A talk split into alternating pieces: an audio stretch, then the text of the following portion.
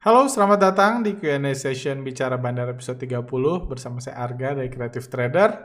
Dalam podcast ini saya akan menjawab pertanyaan-pertanyaan yang masuk ke media kami dalam seminggu terakhir. Ada banyak pertanyaan tentang saham busuk yang merespon podcast kami di saham busuk yang gimana cara cari untung di saham busuk. Ada pertanyaan tentang window dressing, ada pertanyaan tentang KF, INAF, Breeze dan banyak saham lagi juga ada pertanyaan yang paling banyak ditanyakan di podcast terakhir yaitu pertanyaan kenapa saya kaget di podcast terakhir di mana saya tiba-tiba teriak uh, di podcast tersebut? Banyak banget yang bertanya itu jadi saya akan jawab walaupun saya yakin jawabannya akan mengecewakan Anda. Uh, seperti itu cuma itu ya. Oke okay, jadi kurang lebih itu yang saya bahas. Mari kita mulai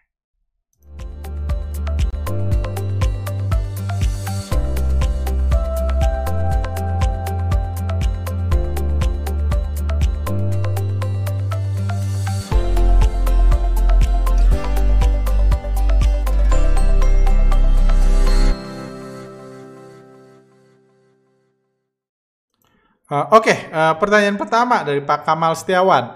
Pak Arga, kami boleh tahu simulasi tentang bagaimana suatu saham harganya bisa turun seperti Bapak contohkan di video beberapa waktu lalu uh, uh, pa, uh, pada saham Toto agar kami mengerti cara bandar markdown harga saham yang dibandarinya. Terima kasih. Harga saham turun, hmm, oke. Okay. Uh, saya tadi sempat baca, jadi saya take ulang. Jadi sebenarnya untuk menurunkan harga saham sebenarnya gampang ini saya ada contoh saham, saham yang fundamentalnya bagus, saham FAS. FAS yang jualan KFC. Kita tahu kan uh, saham FAS, uh, uh, uh, KFC-nya pada krisis bisnisnya, tapi bukan berarti harga sahamnya nggak boleh digoreng kan. Uh, bandar nggak diharuskan kayak gitu. Jadi untuk menaikkan sah harga saham FAS, gampang aja. Kita tinggal ini kan antriannya 890 lot.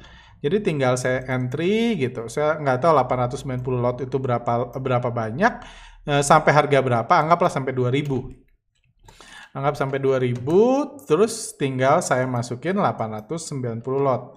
Jadi semua orang yang ini, uh, semua orang yang uh, jualan samfas dari 130, uh, 1030, 1035, uh, 291, ting, uh, semuanya saya beli. Jadi kalau saya oke, okay, langsung auto atas. Itu cara menaikkan harga saham FAS. Cuma ini market tutup jam 9.540, jadi kalau saya oke okay pun cuma depending aja. Kayak gitu. Cara nuruninya, saya tinggal jualan sahamnya. Misalnya kalau nol, uh, ini saya jualan. Misalnya saya nggak punya di sini kan zero lot, saya nggak punya saham FAS. Cuma kalau saya punya, saya bisa jualan di harga sampai 960 misalnya. Sampai 960 kayak gitu, 960 kita jualan uh, eh, 1300 slot misalnya. 1300 slot kalau saya oke okay, detik ini juga saham ini auto reject bawah. Kalau marketnya buka. Kalau saya punya uh, saham fastnya karena di akun ini saya nggak bisa ini nggak bisa apa nggak bisa jual dulu baru beli nggak bisa short sell. Jadi kalau saya punya saham fast saya tinggal oke. Okay. atau cara lain adalah kalau mau dipraktekin itu misalnya saya beli dulu sahamnya, beli dulu 890 lot. Setelah oke okay, jadi saya punya kan sampai auto reject atas. Harganya langsung auto reject atas. Terus detik itu juga setelah saya oke, okay, saya langsung jual. Saya hajar kiri. 890 lot yang saya punyanya saya jual. Harga langsung turun at least sampai 890. Eh 980 udah saya punya barangnya 890 lot yang dijual di sini, saya jual turun ke 980. Jadi detik itu harga saham yang langsung auto reject atas, detik kemudian langsung auto reject bawah. Seperti itu. Kurang lebih kayak gitu, cuman uh, uh, untuk uh, praktek mungkin nanti kalau saya punya saham banyak dan nggak liquid mungkin saya record karena itu harus punya saham banyak kalau kalau cuman buat tutorial kayaknya kemahalan deh untuk saya buat kayak gini karena lumayan modalnya sekitar 300-an juta buat satu video sederhana seperti itu karena ya itu, itu teknik sederhana cuma mudah-mudahan Anda bisa mengerti bahwa harga saham naik turunnya harga saham nggak ada urusannya sama jualan ayam. Ini kan ini kan jualan ayam goreng kan, jualan KFC nggak ada urusannya sama jualan KFC, ini urusannya sama yang goreng menggoreng saham. Ini bursa saham, ini bukan jualan kuliner kayak gitu. Jadi kayak gitu mudah-mudahan bisa dimengerti jadi tinggal di oke-oke aja. Seperti itu. Selanjutnya, oh cuma kalau buat markdown itu agak susah. Markdown itu artinya kita jatuhin harga saham, tapi kita tetap akumulasi. Itu nggak bisa cepat dicontohinya, videonya harus berjam-jam. Jadi kita saya banting dulu harga sahamnya, di auto reject bawah, terus nunggu orang jualan.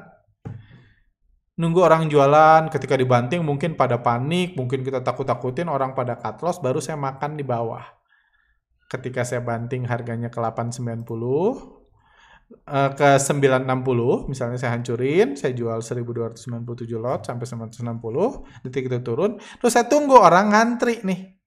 Orang ngantri di over ngantri misalnya ada yang cut loss di 980 985 itu yang saya makan.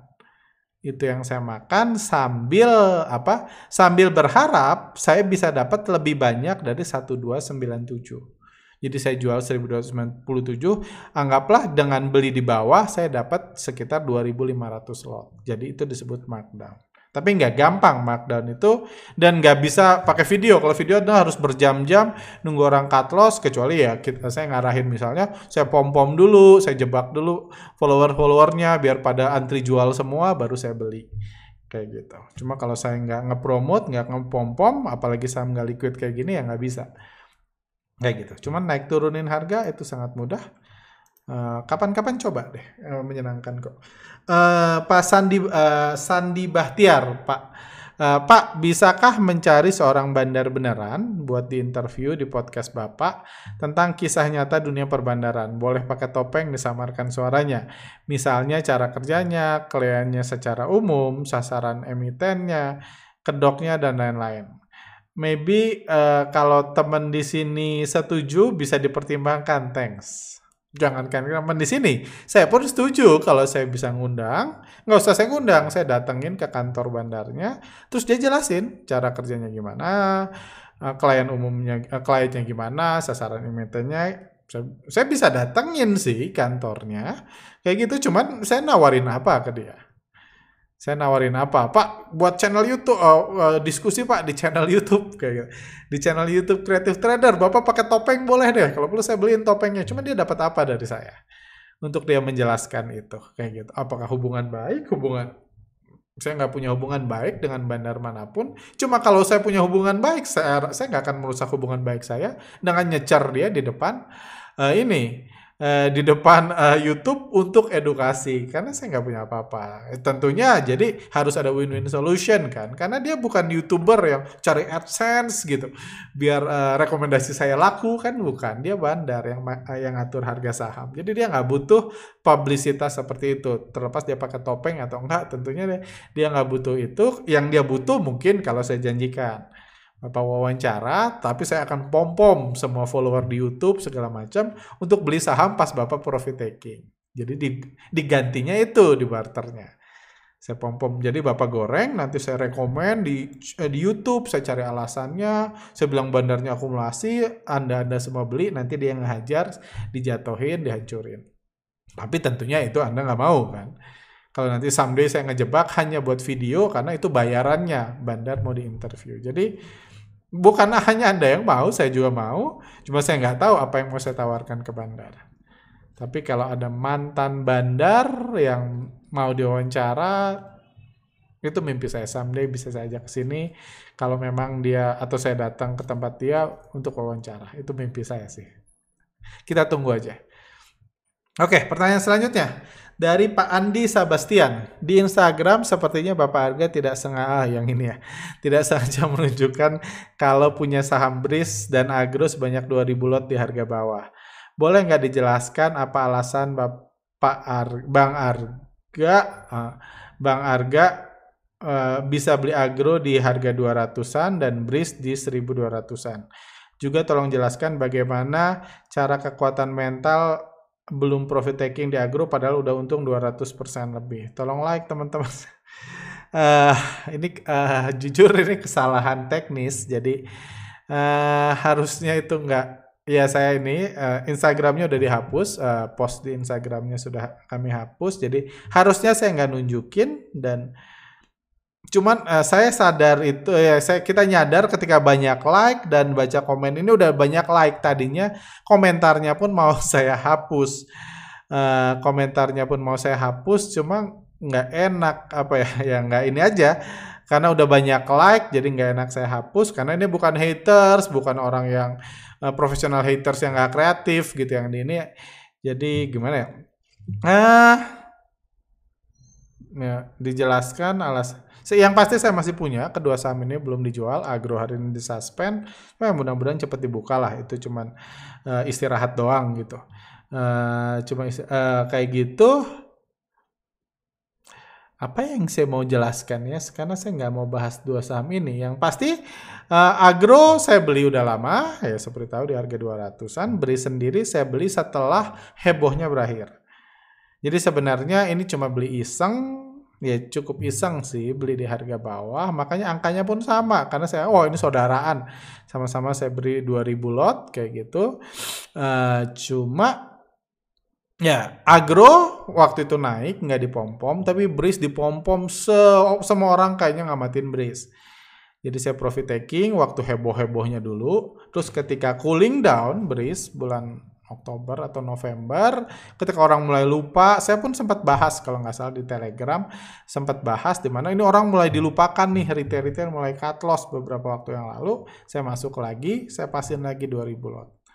Nah gitu aja sih, gitu detailnya itu udah analisa bandarmologi dan analisa kepentingan juga yang ada di balik ini. Udah mirip-mirip Aisyah gitulah ceritanya. Cuma ya ini iseng doang sih kayak gitu. Uh, bukan akun utama saya juga. Uh, terus mungkin yang kedua, kekuatan mental belum profit taking di agro padahal udah untung 200% lebih. Uh, sebenarnya latihan sih kayak gitu. Jadi uh, dulu saya ngerasa saya eh dulu saya punya keinginan besar jadi dukun, bisa memprediksi masa depan, bisa melihat masa depan dan lain-lain. Jadi sering kali kalau saham udah naik kebanyakan, dijual dulu deh. Dijual dulu sebentar, nanti turun beli lagi. Udah naik lagi, jual lagi gitu. Jadi pengen tektok tektok gitu. Jadi uh, di tektok tektok jadi saham kan dari 200 misalnya ke agro berapa sekarang 900 ya. Ini 200 sampai 900 kan butuh ini kan uh, butuh waktu kan. Yes, beli di 200, jual 900 untung gede. Tapi mungkin lebih gede kalau 220 dijual, turun 210 beli lagi. 300 dijual, turun 270 beli lagi. Itu lebih gede. Seakan gayanya kayak gitu. Tapi itu ya itu gaya-gayaan dukun sih. Cuma kalau saya uh, ketika saya mengalami gitu, banyak kan nggak untungnya, banyak kan nyeselnya saya tektok. Jadi sering kali umumnya ketika saya punya saham bagus dan saya lihat nih saham masih bagus, masih sesuai dengan skenario saya atau masih diakumulasi bandar atau apa pun alasannya di mana saya ngeliat nih saham masih bagus, saya hold aja. Ada yang belum naik-naik, ada yang udah naik 100%, ada yang udah naik 20%, saya hold aja. Jadi ada fasenya di mana saya beli, ada fase menanam, misalnya ada fase menanam, saya beli, ada fase menunggu dia tumbuh, menunggu dia tumbuh kadang-kadang udah mulai tumbuh. Ada fase di mana saya ngerasa wah oh, ini udah busuk nih. Udah ngaco nih saya akan jual. Itu yang saya lakukan di bris ketika di pom pom ketika semua orang bahas bris bahas bris ketika semua orang bulan kapan ya waktu itu saham bris dibahas? Itu yang saya lakukan. Uh, yang ketika mulai ini kan di pom pom jatuh gitu di sini. Di sini saya lihat wah ini menarik nih. Orang udah lupa udah fokus ke saham-saham busuk yang lainnya uh, kayak gitu uh, tiba uh, dan saya ngeliat wah ini saham menarik saya masuk lagi lah kayak gitu. Makanya average saya di 1200 sekian ya saya lupa berapa. 1200 sekian kayak gitu. Udah itu ya sekarang saya tunggu sampai sekarang masih tunggu. Kalau saya lihat misalnya di 2000-an ada distribusi besar, jadi ada ada fase membeli, ada fase menunggu, ada fase menjual. Setelah jadi saya jual dulu habis, karena saya fasenya ini waktunya panen nih. Setelah panen habis, saya mikirin lagi. Nah, saya mikirin lagi ini masih layak layak nggak saya saya nanam lagi di tanah di tanah ini, saya invest lagi, saya beli lagi sahamnya. Ada waktu di mana saya cuma fokus beli. Nggak nggak ini kan misalnya di sini terbang, di sini profit taking, uh, di sini profit taking beli lagi di sini canggih memang. Di sini profit taking beli lagi di sini canggih, cuma banyakkan gagal kalau saya kalau memang dukunnya hebat, mungkin dia bisa memprediksi masa depan banyakkan berhasilnya, atau screen capnya banyakkan berhasil. Cuma kalau saya banyakkan gagalnya. banyak kan nyesalnya sialan udah naik keburu dijual jadi nggak beli. Jadi kehilangan opportunity. Jadi saya ada fase membeli di mana saya ngerasa ini saham masih punya reason untuk saya beli. Ada fase menunggu ada fase menjual. Ketika menjual saya fokus menjual. Mau jualnya nyicil jual dua kali sehari eh, dua kali jual tiga kali jual sekaligus. Nggak sama di setiap kasus Nah, cuma ada fase saya membeli. Udah itu, setelah jual beres, baru saya mikir lagi mau beli lagi atau enggak. Kayak gitu. Kurang lebih kayak gitu sih. Jadi uh, jadi saya fokusnya di situ dan nanti kalau saya udah saya nggak saya sekarang udah di fase menunggu bris saya nggak pengen beli lagi. Nggak pengen uh, uh, average down nggak uh, pengen average up saya udah fase menunggu. Tinggal nunggu saya nunggu kapan nih waktu panen terbaik waktu panen terbaik adalah saham yang saya ngerasa udah nggak layak lagi nih saya pegang mendingan saya jual Apakah setelah itu bisa naik lagi ya terserah. Banyak kok saham yang saya jual, udah saya jual naik lagi ya nggak apa-apa. Saya cari lain aja. Kurang lebih kayak gitu. Uh, jadi kekuatan mental, pengalaman dan mungkin itu. Saya saya trading based on musim. Ada musim uh, uh, menabur, ada musim menunggu, ada musim menuai. Nggak saya campur-campur. Nabur nuai, nabur nuai nunggu. Karena ujungnya nunggunya cuma cut loh. Cuma pas nyangkut kayak gitu. Saya nggak melakukan itu saya nggak lagi melakukan itu dulu saya melakukan itu oke lanjut uh, uh, ini pertanyaan uh, yang saya kaget di menit 29.30 yang penasaran sama kagetnya mohon like-nya. Ini ada 21 like. Ayo Pak Harga tebak. Kaget kenapa 23 like? Salah kirim link IK-IK ke grup alumni kan Pak? Uh, Uh, jadi saya kaget. Uh, jadi gini ceritanya. Akan mengecewakan sih. Kalau ceritanya menyenangkan, saya buat podcast akhir tahun saya jawabnya. Cuma ini mengecewakan karena jadi pada saat itu saya lagi break mau itu kan weekend kan weekend kemarin ada workshop bandarmologi online. Anda mungkin tahu uh, ada workshop bandarmologi online. Waktu itu saya mau uh, lagi break mau live uh, live bandarmologi live Q&A live Q&A kalau nggak salah sekitar 10 menit uh, 10 menit dari uh, waktunya ini. Waktu uh, 10 menit pas saya teriak itu 10 menit lagi saya live Q&A. Jadi saya uh, dalam hati deg-degan nih. Wah gawat nih telat telat cepetan cepetan cepetan. Karena mepet kan karena uh, saya nggak ada editing apa-apa. Nggak uh, ada editing apa-apa saya lagi buru-buru jadi ini. Uh, dan setelah itu tiba-tiba istri saya masuk. Jadi saya di kantor cuma kantor saya dekat sama rumah. Istri saya masuk dia mau pamit dia mau keluar. Dan dia mau ngangkat-ngangkat barang, ngangkat-ngangkat barang jadi butuh bantuan. Nah, saya belum sempat nge-briefing orang yang ada di kantor untuk bantuin dia, belum sempat ngasih tahu juga ke istri saya bahwa saya lagi buru-buru. Jadi saya apa yang saya lakukan, saya pause. Makanya saya eh, kagetnya ngeliat ke sini. Jadi ini kan ada softwarenya, saya pakai dua monitor kan, monitor satu, monitor dua. Dan di sini saya nge-pause itu harusnya ngeklik di sini. Cuma saya memencet sesuatu yang salah dan saya kaget. Wah gitu saya shock.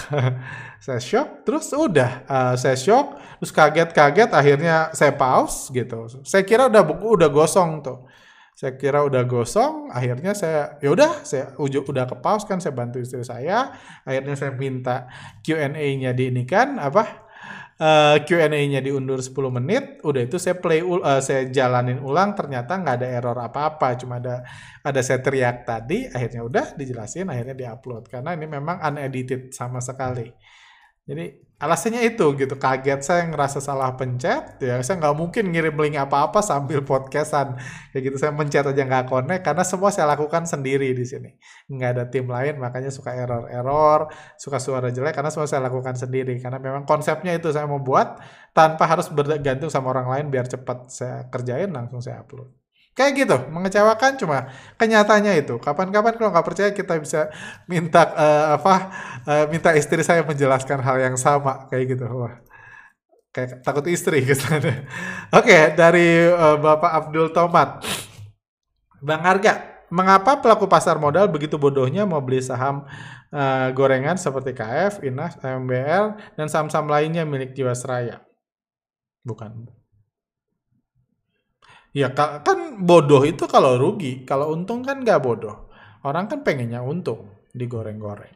harga saham nggak ada urusannya sama kinerjanya untung atau rugi enough rugi kenapa harga sahamnya naik uh, bisa 500% ya mau mau bandarnya kan kayak gitu nggak harus enough rugi harga bandarnya aduh gua rugi eh gua nggak boleh cari untung di sini kan nggak boleh itu dua hal yang berbeda kayak gitu dan ya sebenarnya trading saham mau trading investasi bukan cuma saham semua konsepnya adalah kalau saya di uh, gathering belajar saham dari nol lagi, dasar pertamanya adalah teori biggest full teori karena itu dasar dari seluruh investasi. Mau rumah, saham, emas, properti semuanya adalah konsep tolol-tololan. Anda googling kalau Anda nggak tahu itu karena itu dasar semua investasi. Jadi bodoh itu kalau rugi aja, kalau untung jadinya pintar. Walaupun beli saham busuk atau saham yang lain nggak masalah. Karena itu nggak penting. Kalau kita kalau kita untung kita jadi pintar, kalau kita rugi dia nggak bodoh. Beli BCA pun kalau rugi cut loss ngerasanya bodoh kan, sama aja. Harga mau apakah kalau bandar mau bandarin suatu saham harus izin dulu ke emitennya atau bebas mau bandarin saham apa aja? Oh ya enggak, bandar tentunya kayak sama kayak sutradara diminta mainin film tentunya butuh persetujuan dari banyak pihak butuh pemodal, pemegang saham, produser dan lain-lain, artis dan lain-lain. Nggak bisa asal ngebandarin, mereka bukan retail. Kalau nyop, copet memang bisa asal nyopet. Eh, retail di mana ada peluang, di situ kita copet. Tapi bandar nggak bisa melakukan itu.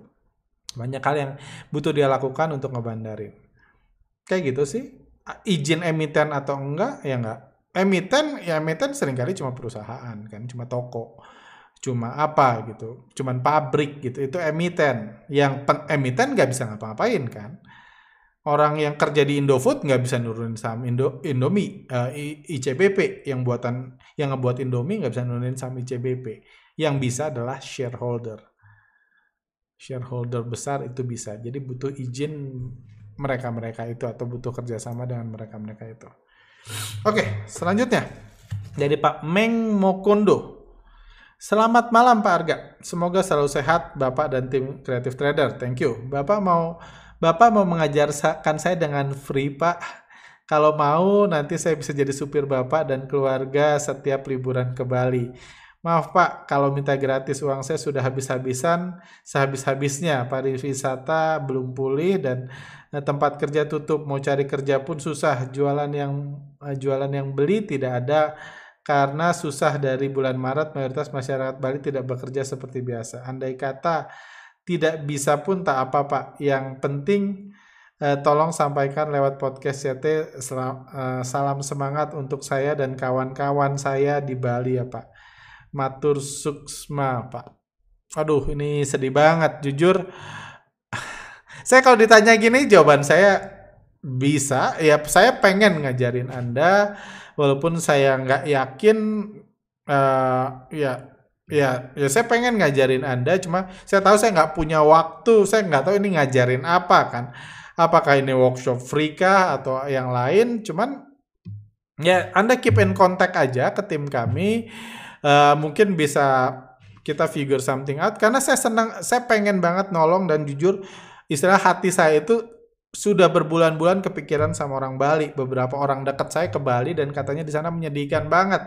Jujur saya pengen banget ke Bali, cuma saya nggak tahu ngapain saya harus di sana. Apakah siapa yang saya ajarin, gimana ngajarin, apakah buat seminar khusus orang Bali, free atau sep seperti itu saya saya kurang banyak ide, saya nggak punya ide yang pas. Cuma kalau Bapak butuh bantuan apalagi dalam sisi edukasi yang pasti saya nggak bisa ngajarin private ke siapa pun karena nggak adil. Banyak orang udah bertahun-tahun minta private pun saya nggak pernah ngasih. Saya bilang saya nggak punya waktunya. Uh, cuma Uh, jadi menurut saya itu nggak ini cuma kalau ada yang bisa saya ajarkan atau ada yang bisa saya bantu atau ada link yang saya bisa kasih atau mudah-mudahan kalau saya ada waktu ke Bali mungkin Uh, kontak kami aja di Instagram. Kalau yang seperti ini saran kami lewat Instagram aja supaya lebih enak pembahasannya. Seperti itu. Cuma saya pengen banget membantu teman-teman Bapak atau Bapak di Bali karena saya sangat suka Bali dan saya tahu saya dengar Bali kondisinya cukup menyedihkan tapi saya nggak tahu harus ngapain karena yang saya tahu orang Bali itu butuh uang. Eh bukan yang orang Bali itu butuh pekerjaan dan butuh wisatanya pulih bukan butuh uang. Jadi saya nggak tahu apa yang bisa saya bantu. Karena kalau saya ke Bali pun saya cuman paling berdua sama istri kayak gitu. Itu nggak ngebantu banyak. Kayak gitu. Cuma saya pengen kalau Anda mau keep in contact, hubungi kami, mungkin kita bisa figure something out. Uh, perkenalkan, saya uh, ditutupin dari Medan. Saya trader angkatan Corona yang saat ini sedang nyangkut di, sa di saham ditutupin juga. Allah. Oke, saya baca dulu deh kenapa ditutupin ya, saya belum ngerti. Saya beli saham ini di harga 300-an beberapa bulan lalu karena bandarnya bilang mau dinaikin ke 700 di bulan Oktober. Oke, tapi kenyataannya malah dihancurkan sama dia dan sekarang sudah loss 60% lebih. Oke, uh, saya masuk cukup besar 200 ribu lot lumayan di saham ini. Oh, karena itu ditutupin karena karena dia punya banyak. Uh, bisa minta pandangan Pak Arga ke depannya saya harus gimana? Lebih dari setengah uang saya ada di saham ini. Rencananya saya mau jual semua saham blue chip lain yang udah profit, oh, profit profit, uh, profit untuk uh, kubelikan saham ini uh, supaya kalau naik nanti average-ku sudah di bawah. Minta bantuannya menjual-jual. Oke. Okay. Uh, ini saham apa ya? Uh, Uh, saya tahu ini mungkin karena punya 200 ribu lot tentunya kalau Anda investor retail punya 200 ribu lot apalagi saham gak liquid itu sangat bahaya sangat mungkin digebugin uh, digebugin jadi itu jumlah yang sangat banyak kayak gitu saya sendiri takut punya sampai 200 ribu lot di saham kecuali transaksinya gede banget. Kecuali transaksinya nggak gede banget. Saya nggak tahu 200 ribu lot ini berapa M kah? Saya nggak tahu. Uh, cuman ya itu mungkin penyebabnya. Kalau tadi dibilang uh, karena bandar uh, bandarnya bilang mau ke 700 bulan Oktober saya nggak ngerti kenapa bandarnya harus ngasih tahu Anda mau di ke 700-in jangan-jangan supaya Anda beli 200 ribu lot terus uh, uang Anda di, di dibawa pulang sama dia kayak gitu karena ya janganlah percaya sama hal-hal seperti itu karena terlepas mungkin dia sering benar dia punya tujuan ngasih tahu saya punya saham, anggaplah saya bisa naikin saham tadi fast tadi. Saya nggak akan ngasih tahu Anda kan. Saya nggak sebaik itu. Yuk, saya kasih tahu yuk gitu. Anda beli dulu fast di harga sekarang, Anda kumpulin dulu. Nanti kami saya terbangin. Kami saya terbangin, terus saya akan pasang bid gitu yang tebal. Nanti Anda jual ke saya. Buat apa ngelakukan itu? Nggak masuk akal saya gitu. Nggak masuk akal. Sebaik-baiknya orang, saya kalau gitu mendingan saya bantu aja anda butuh apa? Butuh uang kah? Butuh edukasi? Kalau saya pengen baik gitu. Bukan saya goreng sahamnya terus Anda jualan di atas. Kayak gitu. Kalau Anda kenal bandar, saya nggak yang dimaksud Bapak kenal bandarnya itu apa, saya nggak tahu. Ya Anda tagih aja ke orang yang ngasih tahu. Kalau perlu tuntut gitu itu lebih mending daripada Anda mengeluarkan semua uang Anda mengeluarkan semua uang Anda, mengeluar, menjual semua saham Anda untuk average down. Karena menurut saya, bandar juga nggak mau ngerek harga kalau Bapak punya 200 ribu lot. Apalagi Bapak punya lebih. Jadi 300 ribu lot anggaplah. Apalagi Bapak punya sebanyak itu, ya nggak bisa naik. Ini banyak banget 200 ribu lot. Uh, coba saya nggak tahu lah ini sama apa. Karena itu saya saya rasa ini ditutupin sama admin. Uh, jadi ya itu. Uh, jadi lebih banyak nggak akan membuat masa penungguan lebih cepat satu hal yang bisa Anda lakukan adalah sabar-sabaran kalau Keng Hong. Anda tunggu gitu, mungkin 10 tahun lagi akhirnya dia nyerah, dia kerek juga. Kayak gitu. Atau 6 bulan lagi, tergantung berapa besar 200 ribu lot itu dari transaksi saat ini. Kayak gitu. Itu sih paling. Uh, uh, jadi saran saya nggak menyarankan Anda freeze down dan Anda harga bisa lebih turun kayak gitu, mendingan Anda nunggu aja kalau gitu kan gitu aja. Atau anda tekan bandarnya yang menjanjikan katanya mau 700 anda urus sama dia aja kayak gitu. Saya nggak tahu kenapa anda bisa kenal bandarnya kenapa bandarnya ngubungin anda dan kenapa begitu baiknya dia ngasih tahu bulan Oktober bakal gue naikin ke 700 atau mungkin ini hanya orang-orang yang ngaku bandar kan semua pun bisa semua orang bisa ngaku bandar. Cuma narik-narik garis doang dia bilang bisa narik uh, naikin ke 700 ya saya nggak tahu. Terlalu banyak informasi yang saya nggak tahu. Cuma at least yang bawah saya nggak menyarankan anda menjual saham blue chip anda untuk membeli saham nggak jelas kayak gini nggak. Mendingan uangnya anda pakai buat ini ini anda tunggu kayak gitu. Mungkin itu lebih wise daripada Anda menjual semua saham yang jelas, beli saham yang busuk. Kan secara logika, ya saya tahu kalau emosional saya pun pernah melakukan seperti itu. saham-saham bagus dijual, beli yang busuk. Karena yang busuk ruginya udah banyak, supaya ruginya kerasa lebih sedikit. Malah tambah rugi. Itu biasanya orang kalau emosional seperti itu dan saya nggak menyarankan siapa pun melakukan itu. Saya saya kenal banyak orang bangkrut karena itu dan saya pun pernah rugi besar karena seperti itu. Oke, uh, lanjut.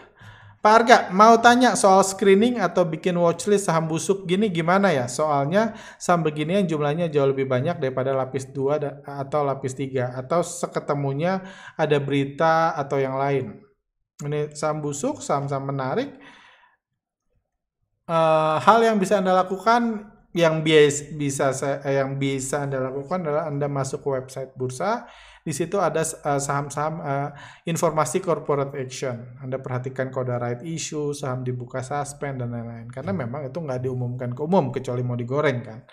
Kayak gitu. Jadi anda pilih itu kecuali sahamnya kayak Aisyah terkenal nggak akan dipromot. Cuman banyak saham-saham gitu. Jadi Anda bisa lakukan ke website bursa cari perusahaan-perusahaan yang corporate action lah atau ya simply screening aja satu-satu yang cukup liquid dan lain-lain. Cuman nggak ada nggak ada explorernya tuh kayak gitu karena kasusnya beda-beda. Anda harus mengerti kasusnya baru tahu peluangnya. Dari Pak Jeremiah Sutono.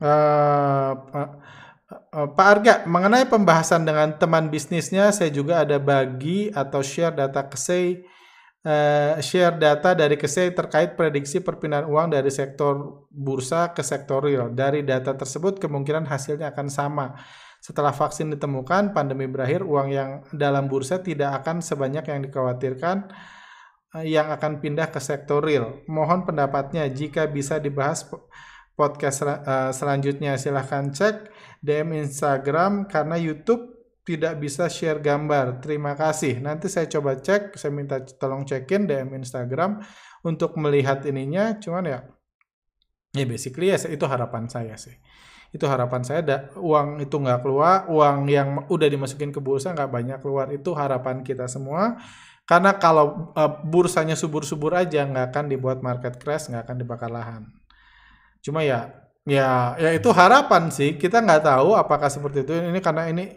sedang ngomong ratusan ribu orang uh, baru yang masukin uangnya ke bursa saham kita kese atau siapa pun nggak bisa uh, uh, meyakinkan mereka untuk jangan keluarin kan. Karena ada orang yang ketika untung dia pengen keluar, sekarang kan lagi bagus-bagusnya. Ada orang yang untung malah ketagihan. Berapa banyak tentunya nggak tahu, cuman uh, kami rencananya akan buat market outlook, uh, gathering market outlook bul awal bulan Januari nanti kami akan coba buat riset ke arah situ coba lihat data-datanya nanti data dari Pak Jeremiah pun akan saya coba cek kayak gitu Uh, saya udah harus ini. Uh, Pak Arga, di podcast Perang Bandar BKSL, Bang Arga bilang, aduh panjang deh. Uh, kenapa saham busuk ini bisa lolos IPO? Uh, ya Pak, harusnya BI sangat ketat syaratnya meng-IPO kan suatu saham sehingga trader atau investor kecil tidak dirugikan karena memenuhi syarat. Ada syarat yang ditetapkan BEI, nggak susah. Kalau memenuhi syarat itu menurut saya BEI sudah melakukan pekerjaannya di BI nggak ada syaratnya pegawainya harus lebih dari 50 orang gitu. 5 orang juga nggak apa-apa untuk IPO. Kalau ini lagi membahas sama IPO kayak gitu dan di BI nggak ada tuh. Nggak ada uh, itu kan pilih pilih salah satu saham Anda bagus atau busuk gitu. Dia nyentang salah satu. Jadi kalau dia centang busuk nggak boleh di IPO kan nggak ada seperti itu. Jadi udah ada persyaratannya, persyaratannya dipenuhi. Kalau di workshop IPO saya bahas persyaratannya cuma kepanjangan lah persyaratannya sudah dipenuhi, uh, ininya udah ya udah boleh IPO. Perusahaannya ada atau enggak, bisnis beneran atau enggak itu udah bukan lagi ranah BEI untuk menyetop karena enggak enggak boleh enggak ada pilihannya juga ini perusahaan busuk atau bagus. Jadi BEI enggak tahu kalau itu saham busuk dan bukan urusan dia juga. Terakhir, Uh, terima kasih sharing ilmunya Bang. Semoga Abang dan keluarga dilancarkan rezekinya dan sehat selalu. Bang, saya mau tanya, Bandar Aisyah memang sudah beres filmnya kok Abang kasih spoiler. Uh, ini terakhir aja, saya udah harus uh, ini udah harus selesai. Sorry, saya keburu-buru lagi di sini. Uh, filmnya uh, ya yang pasti saya belum jual. Itu yang saya tahu. Kenapa saya sharing? Uh, Cuman kan saya sendiri udah nggak nyaranin beli kan, jadi saya nggak seneng ngepom-pom Anda. Saya sendiri nggak nyaranin beli, saya sendiri tinggal nunggu kapan saya mau jualan. Kayak gitu. Apakah udah beres? Saya nggak tahu, ya saya udah jelaskan. Kenapa saya kasih spoiler? Karena saya udah janji sih, saya, saya udah janji uh, ngasih nge-share plus kasih contoh kasus di Instagram kami nanya gitu dan udah janji plus contoh kasus. Saya lagi nggak ada ide contoh kasus yang mana, jadi saya kasih Aisyah. Saya ada dua saham lagi yang seperti itu. Cuma kalau dua saham itu saya belum uh, ini belum sudi dikasih tahu ke retail, belum disudi dikasih tahu ke umum karena satu belum naik, satu udah naik baru sedikit, saya masih berharap bisa naik ke Aisyah. Kalau Aisyah harus jual semua besok pun saya udah sudi-sudi aja, jadi udah happy-happy aja. Kalau saya melihat pergerakan aneh, setelah saya bahas, saya bisa jual kapan aja, saya udah ikhlas lah. Udah ikhlas, udah nerima, udah puji Tuhan, itu jual untung udah cukup banyak, yang saya jual. Kayak gitu. Oke, itu aja uh, buat hari ini. Thank you buat rekan-rekan yang sudah bertanya. Ada beberapa pertanyaan lagi mungkin saya nanti simpan buat uh, lain waktu. Nah gitu aja menurut saya. Uh, thank you buat rekan-rekan. Oh ya satu lagi uh, weekend ini saya akan uh, buat podcast bicara bandar spesial, bicara bandar spesial di mana saya akan menjawab pertanyaan-pertanyaan aneh. Udah banyak banget pertanyaan-pertanyaan aneh. Uh, uh, apa? Ya eh, nyeleneh dan lain-lain udah saya kumpulkan saya udah semangat banget untuk jawab karena tentunya itu uh, podcast yang nggak harus mikir cuman ya ya silahkan kalau anda masih punya pertanyaan masih bisa dimasukkan di uh, di tele, uh, di uh, kolom komentar supaya bisa saya jawab. Kalau anda punya pertanyaan dari podcast ini pun silahkan sampaikan next time saya bisa jawab. Oke itu aja dari saya. Sehat selalu silahkan like kalau suka dislike aja kalau nggak suka. See you next time